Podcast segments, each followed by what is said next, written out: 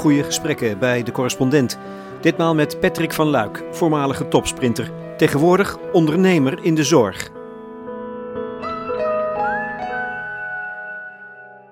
Dus wat er eigenlijk gebeurt is van, uh, dat we eerst onszelf uit moeten kleden. Dus dan moet je, je shirt en je dingen uittrekken en heb je je sprintpak aan. Nou, dan is de druk één keer echt hoog. Want dan moet je achter je startblokken gaan staan. En dan voel je die spanning. En dan, het moet nu gaan gebeuren. Dus je voelt echt een, nee, je hart bijna in je keel zitten. Je voelt een enorme druk en een enorme prestatiedrang. Um, en, en daar gaan allemaal dingen door je hoofd heen. Ja, van, oh ja, ik moet dit doen, ik moet dat doen, ik moet zus doen, ik moet daarop letten, ik moet dit doen. Uh, misschien wel wie ze naast me. Uh, oh, dat is die en die en die. Nou, er spelen allerlei processen. Oh, uh, het publiek. Oh ja, ik weet nog dat, uh, dat die en die in het publiek zit. Nou ja, allemaal van dat soort dingen die gaan er dan heen. Maar op het moment dat, dat de starter dan zegt van on your marks... Dan, dan loop je naar je blok toe en dan valt het eigenlijk allemaal van je weg. Ja. En, en dan ga je in dat blok zitten... En op het moment dat je in het blok gaat zitten, moet je jezelf in het blok zetten als een soort van veer. Dus je moet uh, heel veel spanning opbouwen. En in, die spanning dan ga je ook echt in trillen. En dan, uh, dan, zegt, de, dan zegt de starter, ja, uh, get ready. En dan zegt hij set. En dan kom je omhoog. En dan, ik weet niet of je dat wel eens hebt gezien in de, in de, in de video's. Maar dan, als je dan een close-up hebt van die handen, dan zie je die handen helemaal trillen. Enorme spanning. En dan als de cheetah voor de sprong. Als de cheetah voor de sprong. Maar die spanning is alleen maar nog lijfelijk. Maar mentaal is het helemaal weg. De enige, Het enige waar je op let is het startschot. Dus, dus um, heel het stadion dat maakt heel veel herrie. Maar op het moment dat het, uh, dat een 100 meter of 200 meter of 400 meter... dat mensen in het blok gaan zitten, moet heel het stadion stil zijn. Dus je moet je voorstellen, zo'n stadion... weet ik wel, 50.000 man, 80.000 man... Um, of 1000 man, dat maakt allemaal niet uit. Dat iedereen dan stil is. En dan hoor je dat startschot.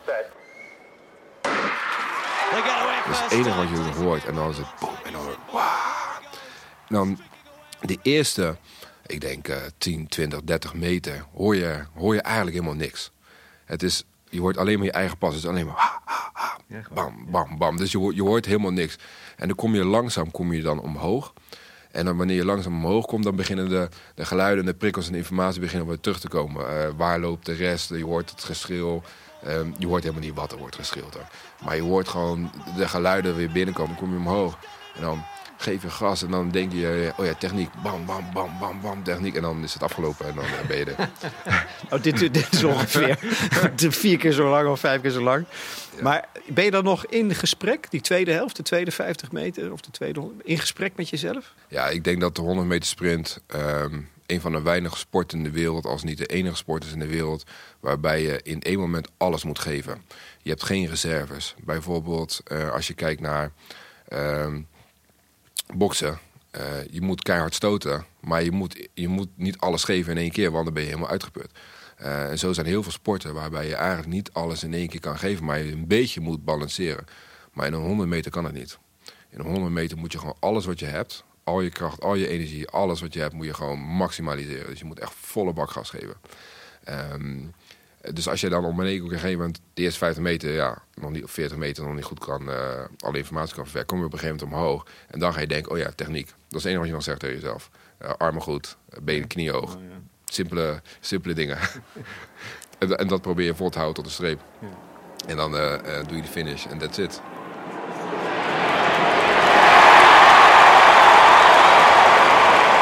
They want to control us, but following that is over. You down the road, but my soldiers, let me hear it. We will not be greeted with evil when they get heated, but we will not be defeated. Let me hear it. Power's the position we taking in this condition. We conquered the opposition. Let me hear it. You got the permission to fight beside a technician. Fuck yeah! Hij was Europees kampioen, zat in de finale van de 4 keer 100 meter estafette op de Olympische Spelen in Londen. Patrick van Luik, topsprinter. Nu is hij ondernemer in de zorg. Hij heeft een methode ontwikkeld om met vermoeidheidsklachten en burn-out om te gaan. En onlangs betrok hij met zijn bedrijf BioCheck een nieuwe locatie in Rotterdam-Alexander. Overal om ons heen bedrijvigheid, maar binnen is het stil. Doodstil. Alles brandschoon. Fitnessapparaten staan werkloos tegen de muur. Lege ruimte. Op de tweede etage is een kamer met een paar zeer aanlokkelijke stoelen waarin je kunt ontspannen. Beter niet daar gaan zitten, dan komt er weinig meer terecht van het interview. Een jonge ondernemer in coronatijd. Zeg, overleef je dit? Uh, jazeker, jazeker. Kijk, uh, ja, het geluk, zeg maar, wat wij hebben is, is wij hebben een, een e-health systeem. Waarbij wij ook mensen volledig op afstand kunnen trainen. Dat hebben we zelf ontwikkeld en dat is ook waar de mensen gebruik van maken.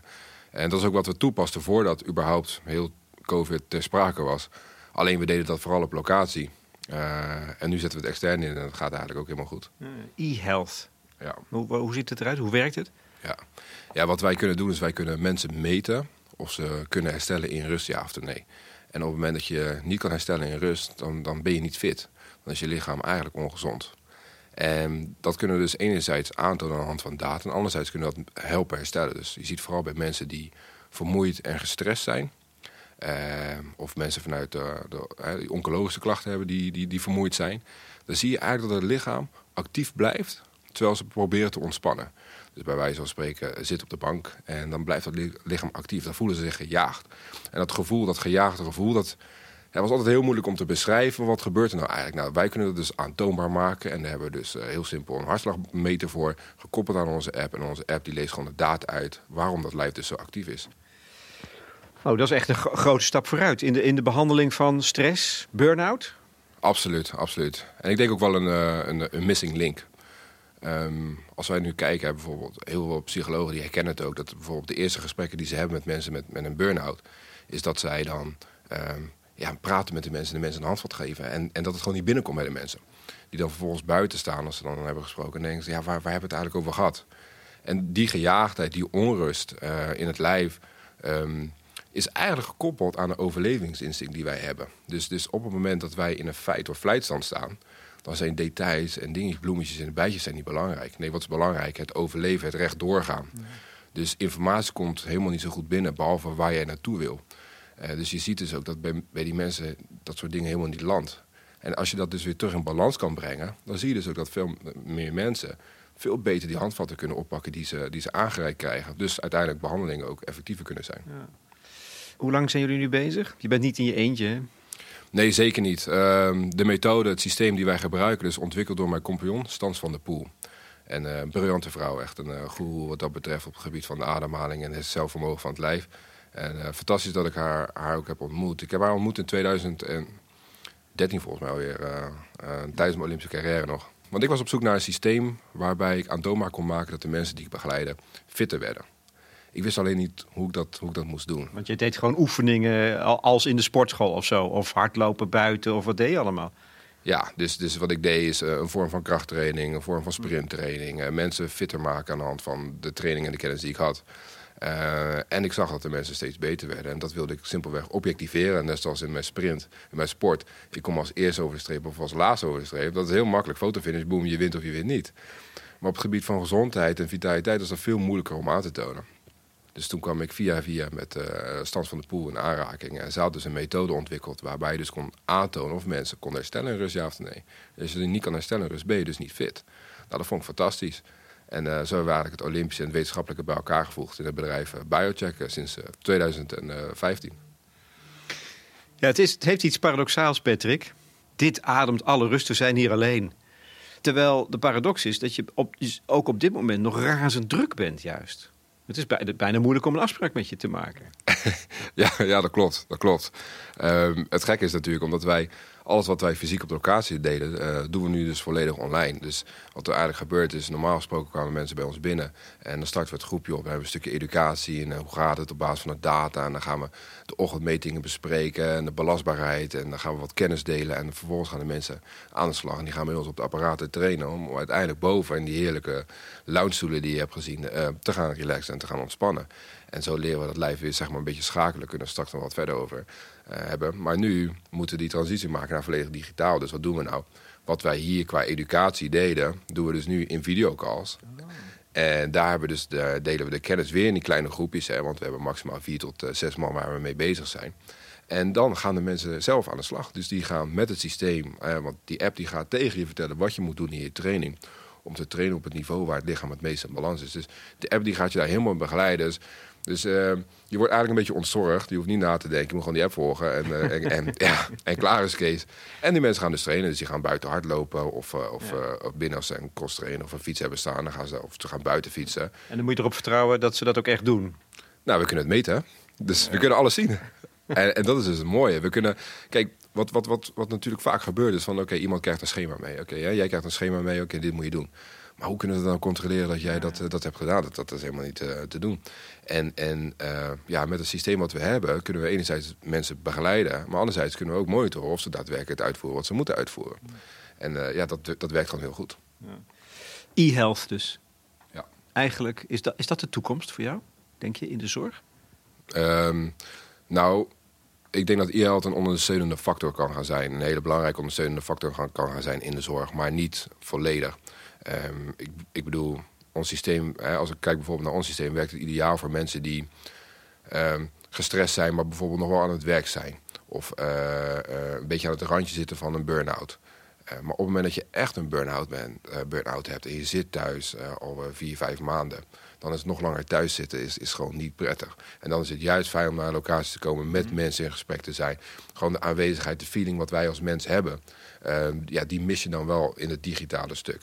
Dus ik zie wel dat het uh, ondersteunende factor kan zijn in heel veel rollen. En heel veel werk uit handen kan nemen. Hè? Want bijvoorbeeld geautomatiseerde trainingsprotocollen op basis van je eigen data... die volledig worden gestuurd aan de hand van uh, hoe je s ochtends wakker wordt. Dus dagelijkse data. Ja, dat scheelt gewoon heel veel handwerk bij wijze van spreken. Dus je wordt wel als, als zorgverlener kan je heel erg ontzorgd worden. Maar ik denk dat dat uh, ja, intermenselijke contact wat, ja, wat we hebben... dat dat gewoon nog steeds blijft. Ja. Dan gaat het over stress, burn-out. Nou, dat, dat neemt hand over hand toe, zo lijkt het althans. Jullie zijn bezig met een remedie als het zover is. Eigenlijk als het te laat is. moeten we niet met z'n allen kijken naar waarom is er eigenlijk zoveel stress en burn-out? Hou, hou je je daar ook mee bezig? Of zou je dat moeten doen? Uh, ja, absoluut. Dat doen we ook. Dus we hebben het curatieve stuk en we hebben ook het preventieve stuk. En dit is wel heel mooi wat je, wat je nu vraagt. Want heel veel mensen zijn er naar op zoek. Hè? Van ja, maar waarom uh, kunnen we eigenlijk al die werkdruk niet aan? Wat gebeurt er nou eigenlijk uh, met ons lijf? Uh, wat is er nou aan de hand? En dat is wel heel mooi. Ehm, hoe ik dat dan altijd aangeef van wat er nou eigenlijk gebeurt. Is, is ons lijf is gemaakt om vanuit de oertijd door de bosjes te lopen en we zien een beer. En dan gaat je stress, stressactiviteit gaan omhoog. En vervolgens heb je daar een fysieke activiteit tegenover, want je gaat vechten of je gaat vluchten. dus de lijf is in balans. Die stressactiviteit gaat omhoog, alle hormoon, hormonale processen worden aangewakkerd en vervolgens ga je daar fysiek op handelen. Nu hebben we wel continu die stressactiviteit. Er wordt geprikkeld door social media, deadlines, e-mails, uh, uh, overal aanwezig zijn. Uh, continue prikkels van informatie. we kunnen informatie, we hebben een podcast, we hebben een, een, radio, we hebben een tv, we hebben internet, we hebben een krant, we hebben dit. We hebben, dus we, hebben, we krijgen heel veel informatie op heel veel verschillende vlakken. En, en de werkdruk, eisen, prestatie-eisen, die gigantisch zijn natuurlijk. Prestatie-eisen die steeds hoger worden, dus er wordt ook steeds meer verwacht. ook verwacht dat je buiten werktijd werkt, e-mails s'avonds beantwoordt, s ochtends beantwoordt. Mensen worden wakker met hun telefoon in de hand. Uh, want je alarm staat aan en uh, je, je, zet je alarm uit en vervolgens zie je ping, ping, ping. Je ziet social media berichten, je WhatsApp, je ziet je e-mails binnenkomen. En je reageert nog even snel op je werk. Je kijkt nog even op LinkedIn en we gaan weer verder. Maar wat gebeurt er dus? Continu worden die stressprikkels geactiveerd in het lijf. En het systeem wordt dus getraind om aan te staan. En wat gebeurt er nou als het systeem wordt getraind om aan te staan? Dan denkt hij dat daar een fysieke activiteit tegenover komt. Dus het lichaam gaat in een, in een fysieke verbrandingsproces. We noemen dat dan de suikerverbranding, glucoseverbranding dat we moeten gaan presteren. Alleen die fysieke prestatie blijft uit. Dus wat gaat er gebeuren? Dat lijf raakt uit balans. Want je ziet bijvoorbeeld dat als je langduriger in die suikerverbranding zit, uh, je ook melkzuur aanmaakt. Dus die benen worden zwaarder. Het lichaam gaat verzuren. Je wordt kwetsbaarder voor bacteriën, virussen, schimmels, infecties. Als je bijvoorbeeld kijkt naar mensen die gestrest zijn uh, en die bijvoorbeeld het herpesvirus hebben, die krijgen die periode een kortslip. Omdat dat virus veel beter kan gedijen in die, in die omgeving. Het immuunsysteem is wat minder actief. Dus, en daar moet het lichaam ook weer harder tegen vechten. Dus er is een continue activiteit van het, van het stresssysteem. Maar zonder die fysieke activiteit, dus het lijf kan niet meer goed schakelen. En vervolgens heb jij het dus de afgelopen zoveel jaar geconditioneerd om dus altijd aan te staan. En dan zit je uiteindelijk op die bank om te kunnen ontspannen. En dan gaat hij niet meer. Kan niet meer. Oké, ik begrijp dat jullie het dus nu uh, kunnen meten. Nou, dat is één ding.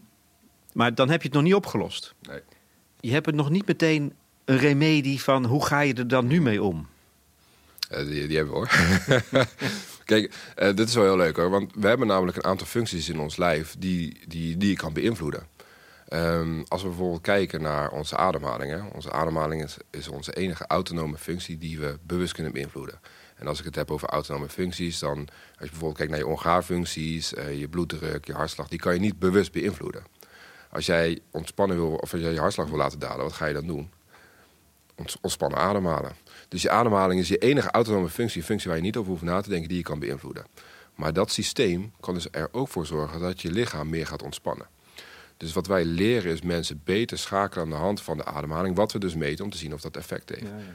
Vervolgens laten we ook mensen trainen op een niveau waar het lijf het meest in balans is. Dus die stressactiviteit die jij door de dag helemaal meemaakt, eh, wat, wat stapelt op de jaren, wij gaan je laten trainen op een niveau. Wat wij dus meten waar je lijf het meest in balans is. En daardoor gaat het lichaam weer beter leren schakelen tussen aan. Wat is aan eigenlijk?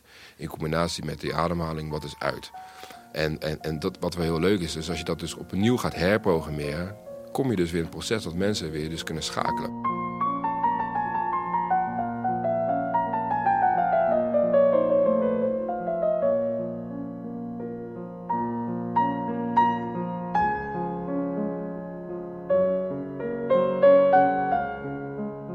Wat ze nu moeten doen, is ze moeten die app aanzetten.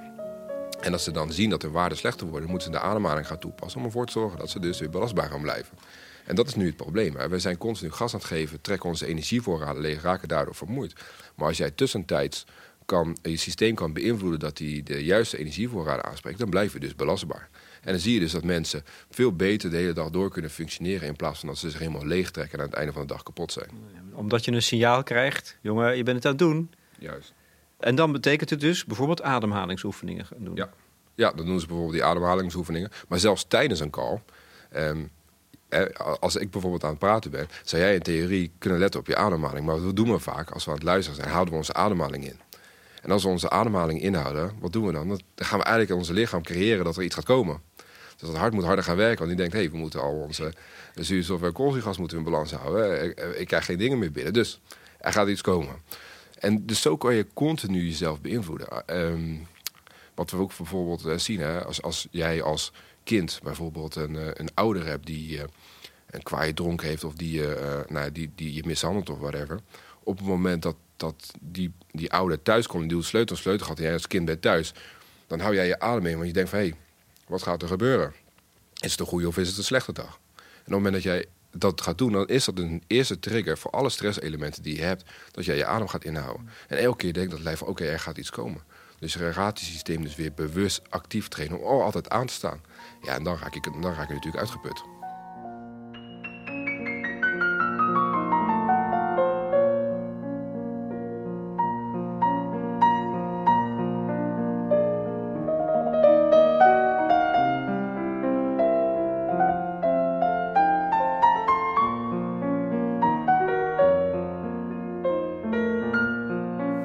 Klein duiveltje op mijn schouder zit die zegt van ja, dan blijven wij allemaal individueel verantwoordelijk voor onze eigen gezondheid, lichamelijk en mentaal.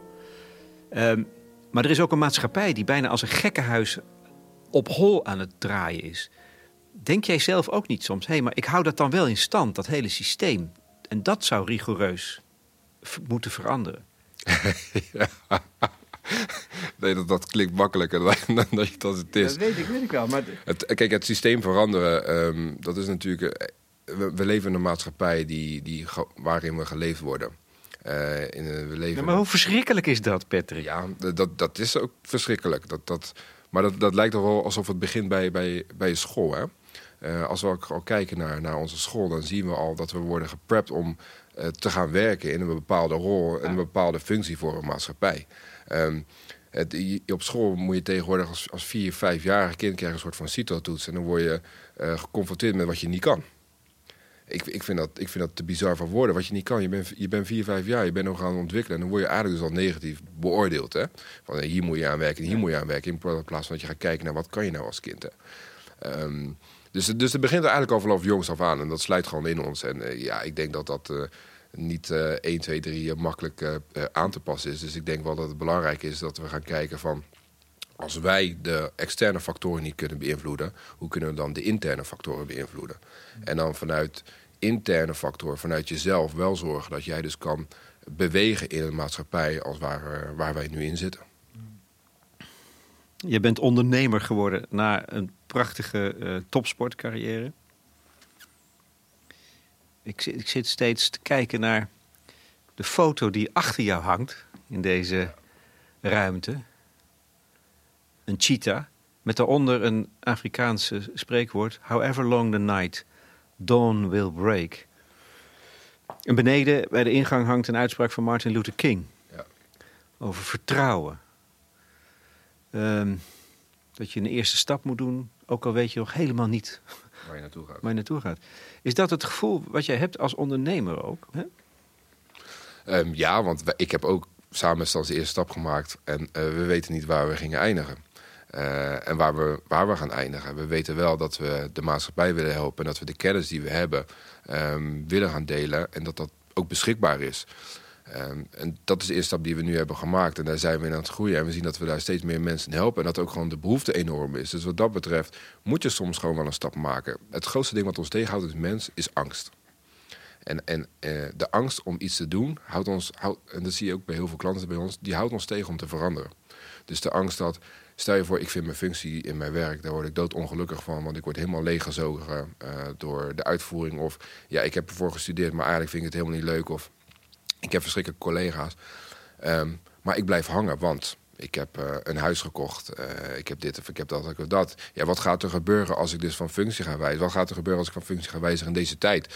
Kan ik dan nog wel alles betalen? En die angst die houdt mensen gevangen. En dan blijf je in een positie zitten waar je zit, waar je eigenlijk doodongelukkig wordt.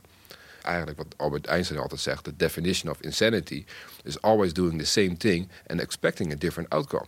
En dat is toch wat, wat heel veel mensen doen. Ja, dat was een wijze man, hè? ja, dat was wel een wijze man, ja. En, en... Maar, was, jij, was jij bang toen je aan dit avontuur begon?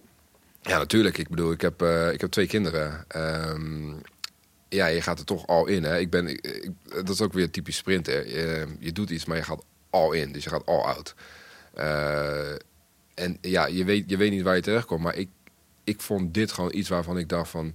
Dit is het, dit is wat ik leuk vind, dit is wat ik wil. Uh, dit is waar ik mensen mee kan gaan helpen. Ik ga het gewoon doen. En we zien wel waar het schip strandt. Ja, en dan helpen dat soort Afrikaanse wijsheid.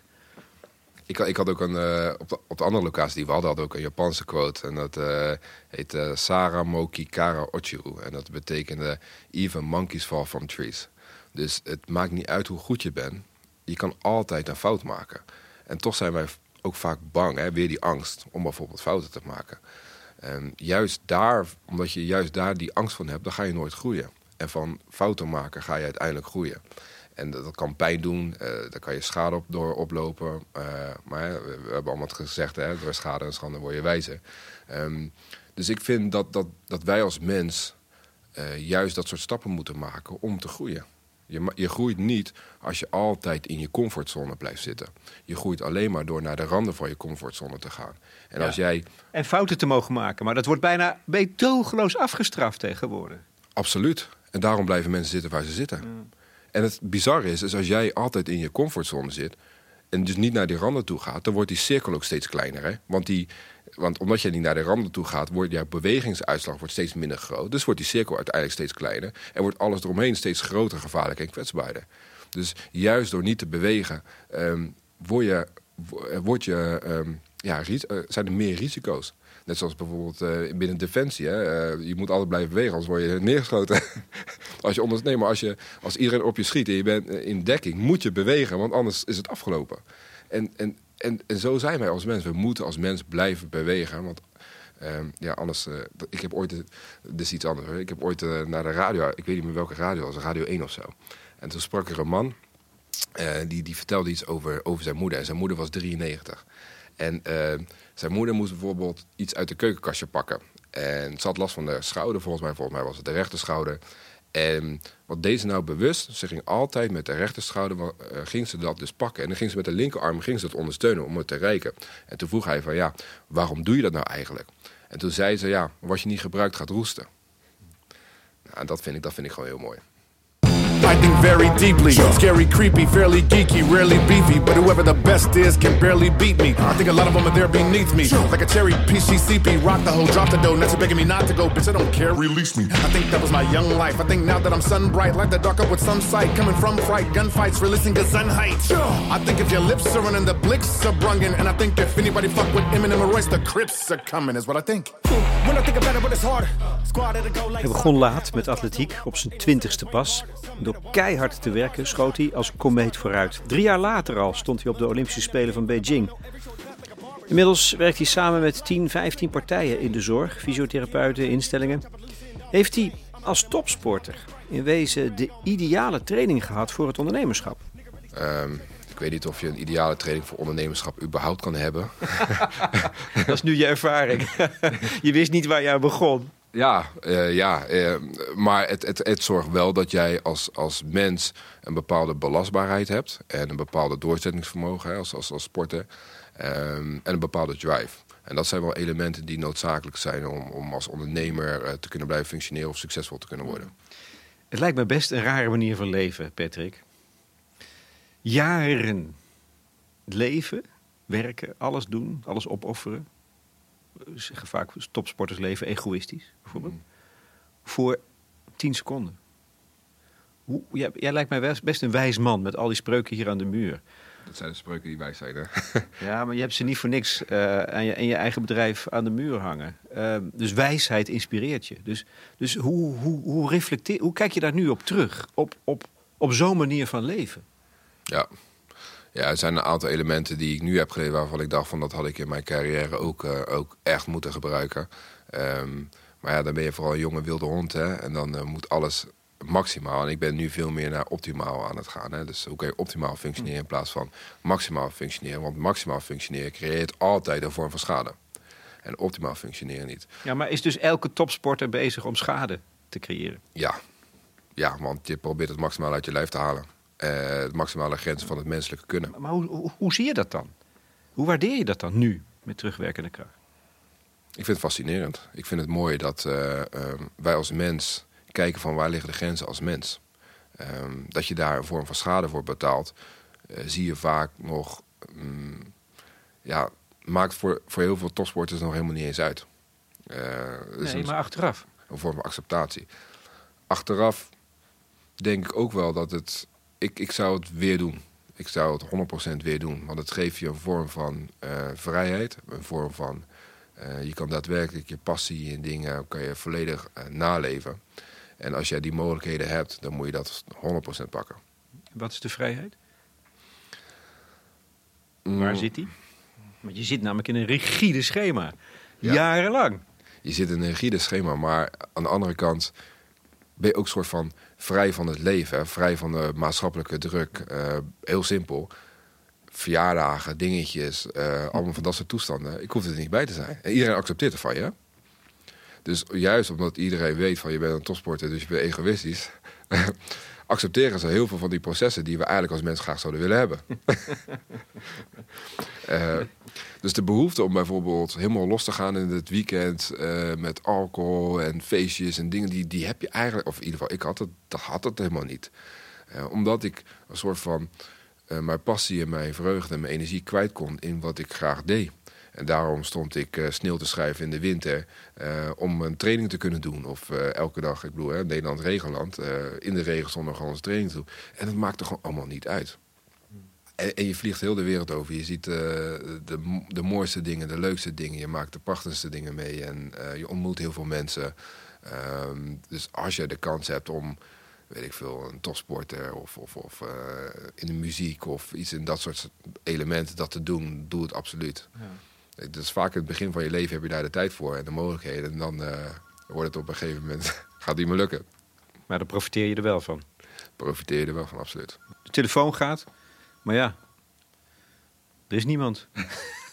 Mooi doorverbonden. Ik heb zelf gevoetbald. Ehm, het gekke is dat, dat is dan ook alweer een halve eeuw geleden, dat er nog steeds wel eens beelden zijn die terugkomen. Dat vind ik wonderbaarlijk. Terwijl het, split seconds. Is er een race waar jij eigenlijk vaak aan terugdenkt? En hoe vaak komen die beelden dan terug? Ja, er zijn zeker wel momenten die, eh, die terugkomen. Eh, momenten waarvan je denkt van ja, maar ik snap helemaal niet dat ik eh, daar zo hard kon lopen. ik heb bijvoorbeeld een race, daar won ik de Gouden Spijk in, in, in Leiden. Dat was in 2012. Ehm, toen had ik een hernia. Ehm, moest ik geopereerd worden. Maar had ik allemaal injecties gekregen om die operatie uit te stellen, want het was Olympisch jaar. ik kon helemaal niet meer trainen. Dus ik deed één of, training, één of twee trainingen in de week. Uh, een beetje aanmodderen met wat ik kon. En ja, op een gegeven moment moest ik me ergens voor gaan kwalificeren. Want het EK lag om de hoek en de Olympische Spelen lag om de hoek. Dus uh, ja, was één wedstrijd, de Gouden Spijk. En ja, ik denk, nou, dan kom ik daar opdagen. En toen liep ik daar met PR op de 200 meter knetterhard. Kwam helemaal uit het niks. En iedereen dacht van, hey, maar, maar hoe kan dat nou? Zie, maar zie je, dat, zie je jezelf nog wel eens lopen dan? Daar? Nou ja, je, je voelt het soms. Dus je, je voelt er soms van een. Uh, het is niet specifiek het beeld, het, het, visuele beeld, maar het gevoel dat, je, eh, dat ik een soort van een stukje van de bocht voel. En een bepaalde vibe is dat. Het is heel moeilijk om dat te beschrijven. En uh, ja, het is wel een, een, element van, van een fijn gevoel. Van dat je denkt van ja, uh, gaaf dat ik dit kon, gaaf dat mijn lijf dit kon. Ehm, ook al weet je niet hoe, hoe, hoe het mogelijk is geweest. Ja, uh, misschien achteraf uh, toch wel de balans tussen uh, arbeid en meer rust. Ik, ik trainde extreem veel en misschien had ik nooit zoveel moeten trainen, want ik had daardoor ook heel veel blessures. dat, dat leer ik nu ook, of dat heb ik nu ook geleerd de afgelopen jaren vanuit het ondernemerschap, dat de balans tussen arbeid en rust veel beter moet zijn. Ja, je hebt onder andere tegen Usain Bolt gelopen. Ehm, was ongeveer, uh, dat was ongeveer drie, drieënhalf jaar nadat ik uh, begon met atletiek, ja. Dus dat was heel, heel, heel snel. En notabene, jouw vader is Jamaicaan. Hij liep voor Jamaica. Het, moet toch ook een aparte ervaring zijn geweest? Ja, ja absoluut. Ik ben ook uh, op een gegeven moment in 2010 naar Jamaica gegaan om daar ook te gaan trainen. om toch wel even te kijken van ja, kan ik dan ook nog de volgende stap maken? En hoe, hoe is het überhaupt in, in, in Jamaica? Want mijn vader, was, of mijn vader is Jamaicaans. Alleen ik had verder helemaal geen contact met hem. Dus ik heb uh, dat, dat hele stuk ook vanuit mijn jeugd ook gewoon gemist. Um, je vader was weg? Ja, ja dus die, uh, mijn vader en mijn moeder zijn gewoon uit elkaar gegaan toen ik heel klein was. En uh, hij is teruggegaan naar Canada en Jamaica. Daar, daar, leeft hij een beetje op en neer.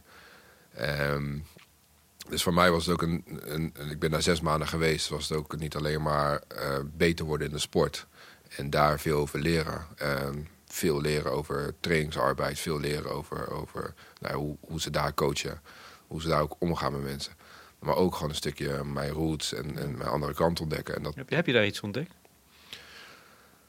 Um, nou ja, je, je leert, je, je, voelt je gewoon in één keer vertrouwd of zo. Het is heel raar, want je bent nooit daar geweest. En uh, is toch gek ook? Ja, dat is heel gek. Uh, je ontmoet uh, je familie, uh, je, je, ontmoet mensen. En toch voelt het een soort van als een warm bad.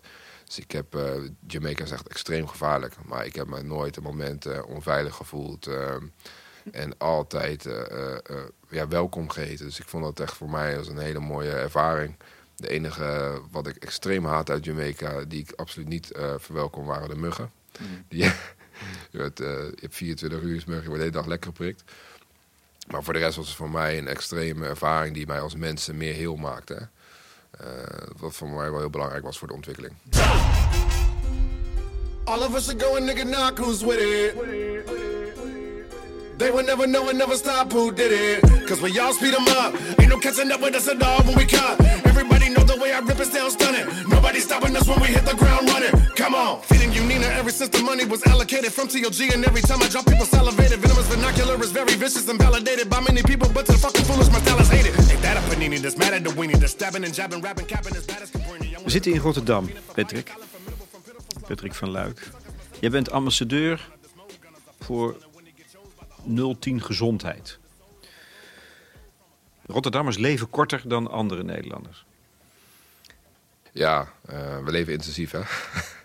nou ja, kijk, uh, ik ben ambassadeur van Gezond 010 inderdaad. En daarom is ook wel een van de redenen dat we dit soort initiatieven hebben opgezet. Om te gaan kijken van, ja, hoe kunnen wij nou de stad gezonder maken? Hoe kunnen we de Rotterdammers gezonder maken? Um, de leefomstandigheden verbeteren? nou, dat soort aspecten. En dat vind ik wel heel mooi dat wij zijn een stad van handen uit de mouwen. En als we iets zeggen dat we dat gaan doen, dan gaan we dat ook gewoon doen. En, en uh, ja, die stap die zijn we dus nu wel aan het maken en dat vind ik heel mooi. Maar dat, dat, want dat doe je dan in je, als, als privépersoon, niet als ondernemer. Nee, klopt, als uh, privépersoon, ja. Dus je zet je vrijwillig in om dat, om dat doel te bereiken. Ja, ja. ja ik, vind, ik vind het namelijk belangrijk dat wij ehm, als mens onszelf ook gewoon goed kunnen ontwikkelen. En dat we ook de kansen en de mogelijkheden krijgen. Kijk, we leven in Nederland en, en, en Nederland heeft prachtige voorzieningen om je als, als mens gewoon goed te kunnen ontwikkelen. Ik bedoel, eh, als je geboren bent in Nederland kan je echt alle kanten op. Als je geboren wordt in, in Brazilië, eh, in de favela, dan heb je heel weinig uh, mogelijkheden in het leven. Dus als wij die ruimte hebben en die faciliteiten hebben, dan moeten we zorgen dat we die ook kunnen delen en kenbaar kunnen maken bij de mensen die dat nodig hebben. En kunnen we daar dus iets voor, voor neerzetten, waarbij dus mensen die dus ehm, in een volledig gesloten omgeving leven, kunnen we die dan ook gewoon helpen. Zodat zij ook de kansen krijgen om, om, om zich te ontwikkelen. Nou, ik, ik denk als eerst um, dat het heel belangrijk is, is dat er elementen worden aangeboden, zoals bijvoorbeeld uh, sport, uh, waar jongeren gebruik van kunnen maken zonder dat daar financiële, hoge financiële tarieven tegenover staan. Want veel jongeren uh, in, in slechte situaties kunnen dat gewoon niet betalen. daarnaast moet het een multidisciplinaire aanpak zijn. Ik bedoel, het is vaak niet alleen maar de jongeren, maar het is vaak ook de omgeving, de ouders. Um, uh, slechte levenskwaliteit, slechte, uh, slechte voeding, alles bij elkaar. Dingen die gewoon bij elkaar optellen. Um, slechte invloeden. Dus dat soort. Ja, en daar, heb je gewoon echt wijkteams voor die dat dan gewoon heel goed, heel goed doen. Alleen het is zo complex dat dat niet makkelijk is om, om te doen. Um, wat, wat wel mooi is, is als je specifieke ambassadeurs hebt in een wijk. Uh, daar geloof ik wel in. Uh, en dan zijn dat vooral de ambassadeurs die ook zelf iets hebben meegemaakt. En, en eigenlijk uh, ook allerlei ellende hebben meegemaakt. Maar op een gegeven moment een keerpunt vinden in hun leven. Ja, want um, externe, externe hebben vaak te weinig invloed. Dus externe hebben vaak te weinig invloed. Als er mensen zijn die dichtbij zijn. En mensen die je daar vervolgens een team omheen bouwen. Dan geloof ik wel zeker in een gedragsverandering. We hebben, dat zie je ook in Rotterdam, is een leraar voorbij komen. Ik ben heel even zijn naam kwijt. Um, is een leraar die, die, die gaat zo geweldig om met zijn leerlingen. Dat, dat de leerlingen gewoon compleet veranderen en, en, en een soort van voorbeeldstudenten worden. En, en, en gewoon echt een, het beste maken van het leven. Terwijl ze bijvoorbeeld eerst aan de verkeerde kant stonden. En, en dan denk ik van, weet je, dat soort mensen, die, die hebben zoveel impact op het leven. Die staan er zo dichtbij en die zien die persoon zo vaak of die leerling zo vaak. Dus die kunnen daar ook invloed op hebben. Als jij van buitenaf ver, van veraf iemand hebt die één keer in de week de wijk in komt, dan gaat dat niet werken. Maar als je iemand hebt die daar elke dag is, of elke dag je les geeft, iemand die zo dichtbij staat, dat zijn de mensen die invloed hebben. Ja. Toen ik pas begon uh, met mijn atletiekcarrière, toen ging het in een, ja, een hele korte periode liep ik één keer heel snel hard. Dus uh, ik begon toen ik 20 was en toen ik 21 was, stond ik op het EK en 23 op de, op de Olympische Spelen. Dus dat ging echt uh, in, ja, supersnel. Ehm, maar in de tussentijd begon ik ook bij een, een, een organisatie, dat heette toen uh, uh, Raad en Daad van de Vos. En die hadden een Artillian Spring Camp. Een Artillian Spring Camp stond voor Antilliaanse Rotterdammers. Um, om, om die jongens die nou ja, een, een, een, een verleden hadden, een crimineel achtergrond. en die toch wel andere dingen wilden met hun leven. Um, ja, die moesten gemotiveerd worden. Dus die moesten, ja, er moesten allerlei activiteiten mee gedaan worden. En uh, ik deed de sportactiviteiten met ze.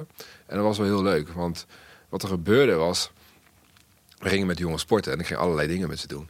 Maar op een gegeven moment uh, ja, leer je elkaar echt goed kennen. De eerste paar keer is het een beetje en dingen en dingen. Maar op een gegeven moment komen ze gewoon voor jou. Uh, om tien uur staan ze stipt. En dan gaan we met z'n allen gaan we leuke dingen doen. En dan zie je de ontwikkeling gewoon. En zie je gewoon dat die jongens op zoek gaan om uit dat leven te stappen. Om, om, om zichzelf te verbeteren. dat was heel leuk. Ik kwam, uh, wanneer was het? Vorig jaar of zo kwam ik een van die jongens tegen. Die dus uh, uh, bij, bij een winkel op een gegeven moment locatiemanager of filiaalmanager was geworden. dan denk ik van mij, mezelf, weet je, je hebt echt die, die stap gemaakt. Je hebt echt een volgende stap gemaakt in het leven. En daar ben ik gewoon super trots op. Dat, dan, dat we dan zoveel jaar geleden daar zijn begonnen. Dat daar dan misschien wel een klein zaadje is geplant met, met ritme, met regelmaat, met doelen. En, en dat ze aangaven, ja, weet je, Pet, ik, eh, ik zie je gewoon echt als voorbeeld. Want uh, wat jij kan, dat moeten wij ook gewoon kunnen. En dat je dat dan gewoon zoveel jaar later dat je dat dan bij, een van die personen gewoon terugziet. Een van die jongens, ja, dat, dat denk van ja, dat is gewoon super vet. En ja, ook al kunnen wij uh, één leven veranderen, dan is één leven is sowieso al een grote winst. Dus wat dat betreft denk ik als je zegt van als we het hebben over ambassadeurs in de wijk, dus dat we echt op zoek moeten gaan naar, naar jongens en meisjes die gewoon een, een stap hebben gemaakt in de goede richting, die daar echt een verschil in hebben gemaakt. En daarmee de andere mensen in de wijk ook gewoon kunnen gaan helpen. En dat die gewoon als voorbeeld uh, uh, kunnen zijn.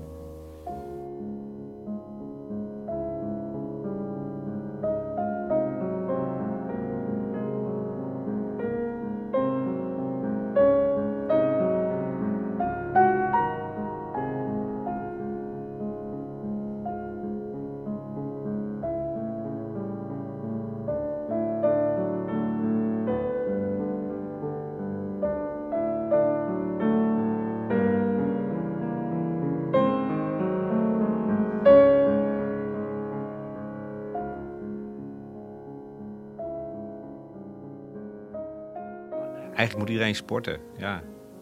Absoluut. absoluut. Faciliteren. Absoluut. Uh, sporten is enerzijds goed voor het lijf. Hè. Ik bedoel, uh, simpelweg, uh, als, jij, als jij vroeger veel hebt gesport... En je, hebt, en, en je hebt iemand anders die vroeger nooit heeft gesport...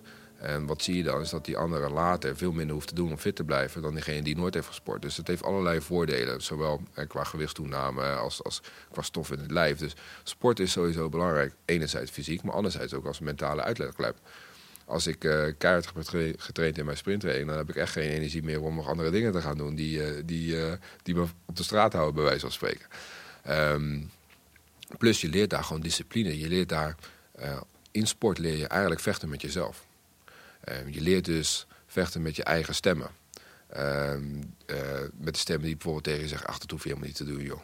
Waarom doe je het eigenlijk? En dat je dan toch dat doet en het toch opbouwt en toch stevig wordt. Dat maakt een karakter van je. Dat zorgt ervoor dat je discipline hebt. Dat zorgt ervoor dat je doorzettingsvermogen hebt. Dat zorgt ervoor dat je niet opgeeft op het moment dat je een tegenslag hebt. Dus als jij daar gaat solliciteren, je krijgt vijf brieven... dat je niet wordt aangenomen, dat je niet stopt. Dus dat soort uh, facetten die je allemaal leert in sport... die zijn zo toepasselijk binnen de maatschappij. Dus ja, ik zou wel voorstander zijn van een situatie waarbij sport uh, gefaciliteerd wordt uh, vanuit de overheid voor bepaalde uh, situaties. Mm. Maar hetzelfde geldt bijvoorbeeld de BTW op, op, op groentes en fruit. Hè? Dat soort facetten, discussies die allemaal zijn gevoerd. Als wij het hebben over we moeten een gezondere leefstijl hebben, waarom zijn de producten van een gezondere leefstijl dan zoveel duurder? Ja, nou ja, heb je nog meer verstandige advies aan de overheid? nee. ik denk dat dit wel twee grote belangrijke punten zijn. Maar ja, weet je, het, zijn zulke complexe, uh, ja, complexe concepten dat het niet zo 1, 2, 3 uh, aan te passen is. Dat, uh, dat begrijp ik natuurlijk ook wel. Maar het zou wel idea ideaal zijn als wij naar, naar een maatschappij toe gaan waarbij dit soort basiselementen gewoon goed gefaciliteerd worden. We gaan naar de verkiezingen toe. Jij bent ondernemer in de zorg. En soms spraken we wel eens af, zijn we met, met het, het ondernemerschap in, die, in de zorg niet een verkeerde kant op gegaan? Hè? De, uh, daar wordt er wel eens aan getwijfeld. Dat is de, marktwerking in de zorg. Hoe zie jij dat? Je moet me geen moeilijke vragen gaan stellen nu. de, de, zorg kost gigantisch veel geld, hè? dat ja. hoor je voortdurend. Uh, dus dat moet minder. De kosten moeten minder. Door die marktwerking zouden de kosten minder moeten zijn geworden. Dat is helemaal niet zo, vooralsnog. Integendeel, er lijken eerder nog problemen als ongelijkheid bij te komen en noem maar op. Ja, ja absoluut. Nee, dat is, uh, dat is zeker zo. En kijk, helemaal als je bijvoorbeeld kijkt naar... Ja, kijk, de, de overheid die, die maakt de wet. Dus die schrijft een, een, wet, uit. En dan vervolgens moet dat worden uitgevoerd in een, in een beleid. En uh, dat beleid dat wordt ook geschreven. En dan vervolgens is daar ook nog een heel grijs vlak in de uitvoering. En dat grijze vlak in de uitvoering, die zie je dat, dat, dat daar dus marktwerking in speelt... die niet helemaal is zoals het bedoeld is. En dan loop je dus tegen facetten aan waarbij bijvoorbeeld innovaties gewoon stuk lopen op huidige structuren. Want uh, innovaties die, die extreem interessant zijn, hoeven niet interessant te zijn voor de huidige partijen die erin zitten. En het kan dus een risico zijn voor de omzet van de huidige partijen. Dus het kan gewoon, je bent er gewoon een, nieuw, gewoon een entry. Hè? Dus een nieuw entry, dan ben je gewoon eigenlijk een threat voor de huidige partijen. Ook al kan je de innovatie in de zorg ervoor zorgen dat de zorg beter wordt. betekent niet voor dat de partijen daar beter van worden. Dus die blokkeren eigenlijk jouw innovatie. En dan kom je dus gewoon helemaal niet die situatie in. Is dat wat jouw persoonlijke ervaring ook is? Met BioCheck? Um, ja, deels wel. Deels wel, ja. Dus uh, uh, zeker. Ze zien je liever niet komen? Nou ja, um, in, innovaties zien ze natuurlijk altijd wel graag komen. Maar de implementatie van innovatie, dat zijn twee verschillende dingen natuurlijk. Uh, dus jij voelt weerstand? Ja, absoluut. absoluut. waar zit hij dan? Um, Bij welke partijen? nee, maar dat is, dat, is, dat is toch pijnlijk? Ja, uh, ja. Maar ik weet het niet of... Kijk, de weerstand zit natuurlijk in een aantal zaken. Hè. Een van die zaken is... is uh, heel veel partijen zijn gewoon... Heel veel dingen in de zorg zijn toch wel conservatief. Dus ook al zijn er heel veel innovaties... Uh, heel veel huidige situaties zijn gewoon conservatief. Structuren zijn conservatief. Dus op het moment dat er nieuwe innovaties binnenkomen... dan moet je door een hele uh, wasmolen van allerlei dingen... voordat de innovatie daadwerkelijk geïmplementeerd kan worden... ben je misschien wel tien jaar verder. En dan is de implementatie of de innovatie misschien al lang uitgedroogd, want dat, zulke diepe zak heb je bij wijze van spreken niet. Dus je moet bijvoorbeeld uh, uh, allerlei procedures door of dan allerlei uh, nieuwe onderzoeken door. Dan heb je bijvoorbeeld al een onderzoek gemaakt, maar ja, dan is het onderzoek weer niet toepasbaar op dit. Nee, dan moet je weer een volledig nieuw onderzoek doen. Maar nou, dat is over, overheid die dat zegt. Nee, nee, dat zijn bijvoorbeeld de partijen die zeggen van ja, maar waar is het onderzoek dan op gebaseerd? En dan moet een onderzoek hier naartoe. En dan ben je vier, vijf jaar verder voordat je dat dan weer hebt. Dus ik geloof er namelijk ook in dat, dat um, innovatie moet succesvol worden. Maar dan moeten wel degenen die op de, op de plekken zitten waarbij. Um, uh, dus je hebt heel veel innovatiemanagers. Je hebt heel veel partijen die, die iemand aanwijzen. Oké, jij bent dan degene die verantwoordelijk is voor de innovaties, voor nieuwe elementen. In de ziekenhuizen bijvoorbeeld? In, in een ziekenhuis of op ergens anders, een uh, andere plek. Maar die mensen zijn juist heel conservatief. Dus dan heb je iemand die eigenlijk gewoon moet zeggen: Weet je wat, ik, ik ga mijn kop boven het maaiveld uitsteken. We gaan het gewoon doen we gaan het doen en we gaan zien waar het schip strandt. En uh, ik neem mijn verantwoordelijkheid en we gaan dit en dit testen. Wel binnen deze kaders, want het moet wel hè, uh, goed worden neergezet. Dat soort mensen, die moet je hebben. En daar zijn er gewoon zo weinig van. Uh, en, juist als je die mensen hebt, dan zie je hele mooie dingen groeien. En hele mooie dingen bloeien. En dan zie je succes en dan zie je dingetjes. Hoe komt het dan dat managers innovatie conservatief zijn?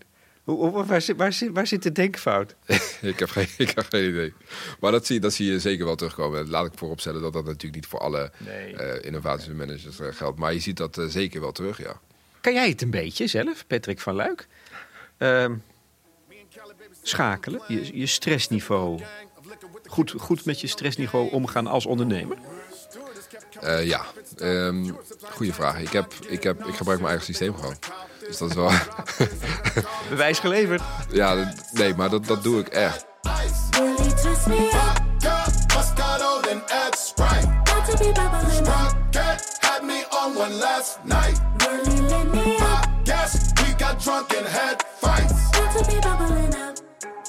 En dan moeten we ook nog blijven dansen. Ja, ik las een column van je.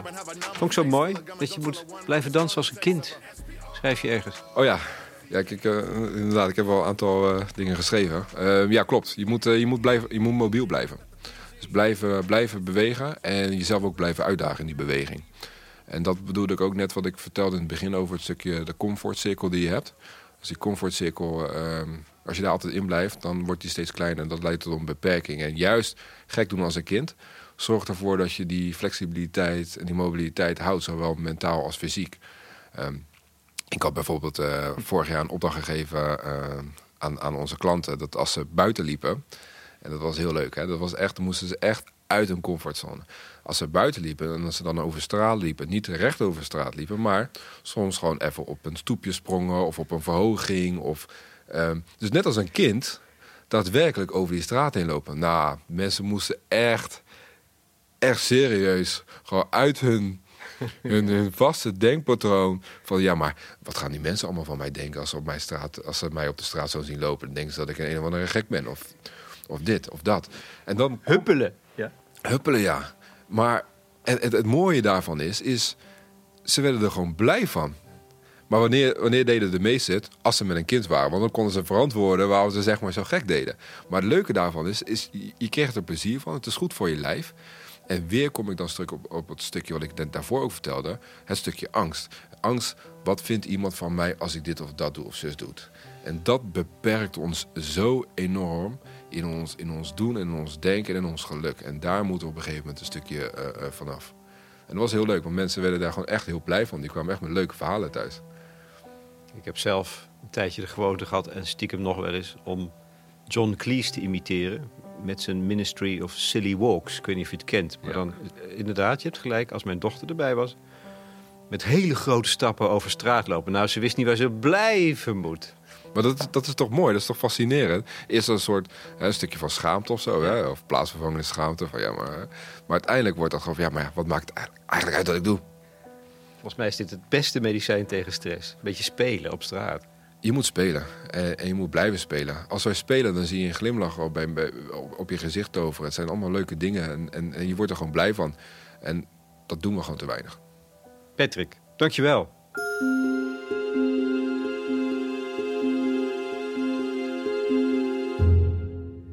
Patrick van Luik, ondernemer, in gesprek met Lex Bolmeijer voor de correspondent over zijn methode BioCheck om met stress om te gaan. Vragen, reacties? Hoe doen jullie dat met die constante stress omgaan? Of moeten we toch eerst de maatschappij veranderen? Onze bijdragesectie staat open, althans voor leden. En je bent al lid van de correspondent voor zeventientjes per jaar. Daar krijg je dan een jaar lang kwaliteitsjournalistiek voor, voorbij de waan van de dag. Wij gaan op weg naar de verkiezingen. Ik ga voor de correspondent een serie gesprekken voeren over dossiers die er in onze ogen echt toe doen. Nou, zorg is daar één van, evident. Volgende keer een gesprek met Bouke Koekoek. Die is gespecialiseerd in sociale en psychische zorg op het raakvlak met politie en justitie. Vragen voor hem? Mail ze naar mij, lex.decorrespondent.nl. En op 16 februari lanceren we een nieuwe podcast over de verkiezingen. Welkom bij Stemmen. Een verkiezingspodcast zonder peilingen van de correspondent en het politieke blog Stuk Rood Vlees. In deze podcast geen laatste voorspellingen, analyses van het premiersdebat of speculaties over exit polls. Nee, wel een blik op het politieke systeem en de machtsverhoudingen daarachter. Een podcast die niet gaat over het politieke spelletje, maar over wat er op het spel staat. Welkom bij Stemmen. Zie daarvoor decorrespondent.nl. En dan de muziek tenslotte van deze podcast. Ook daar een afwisseling tussen Tech 9, ideaal om je op te laden voor een 100 meter finale, en Chopin, waarmee je de spanning ook weer kunt laten wegvloeien.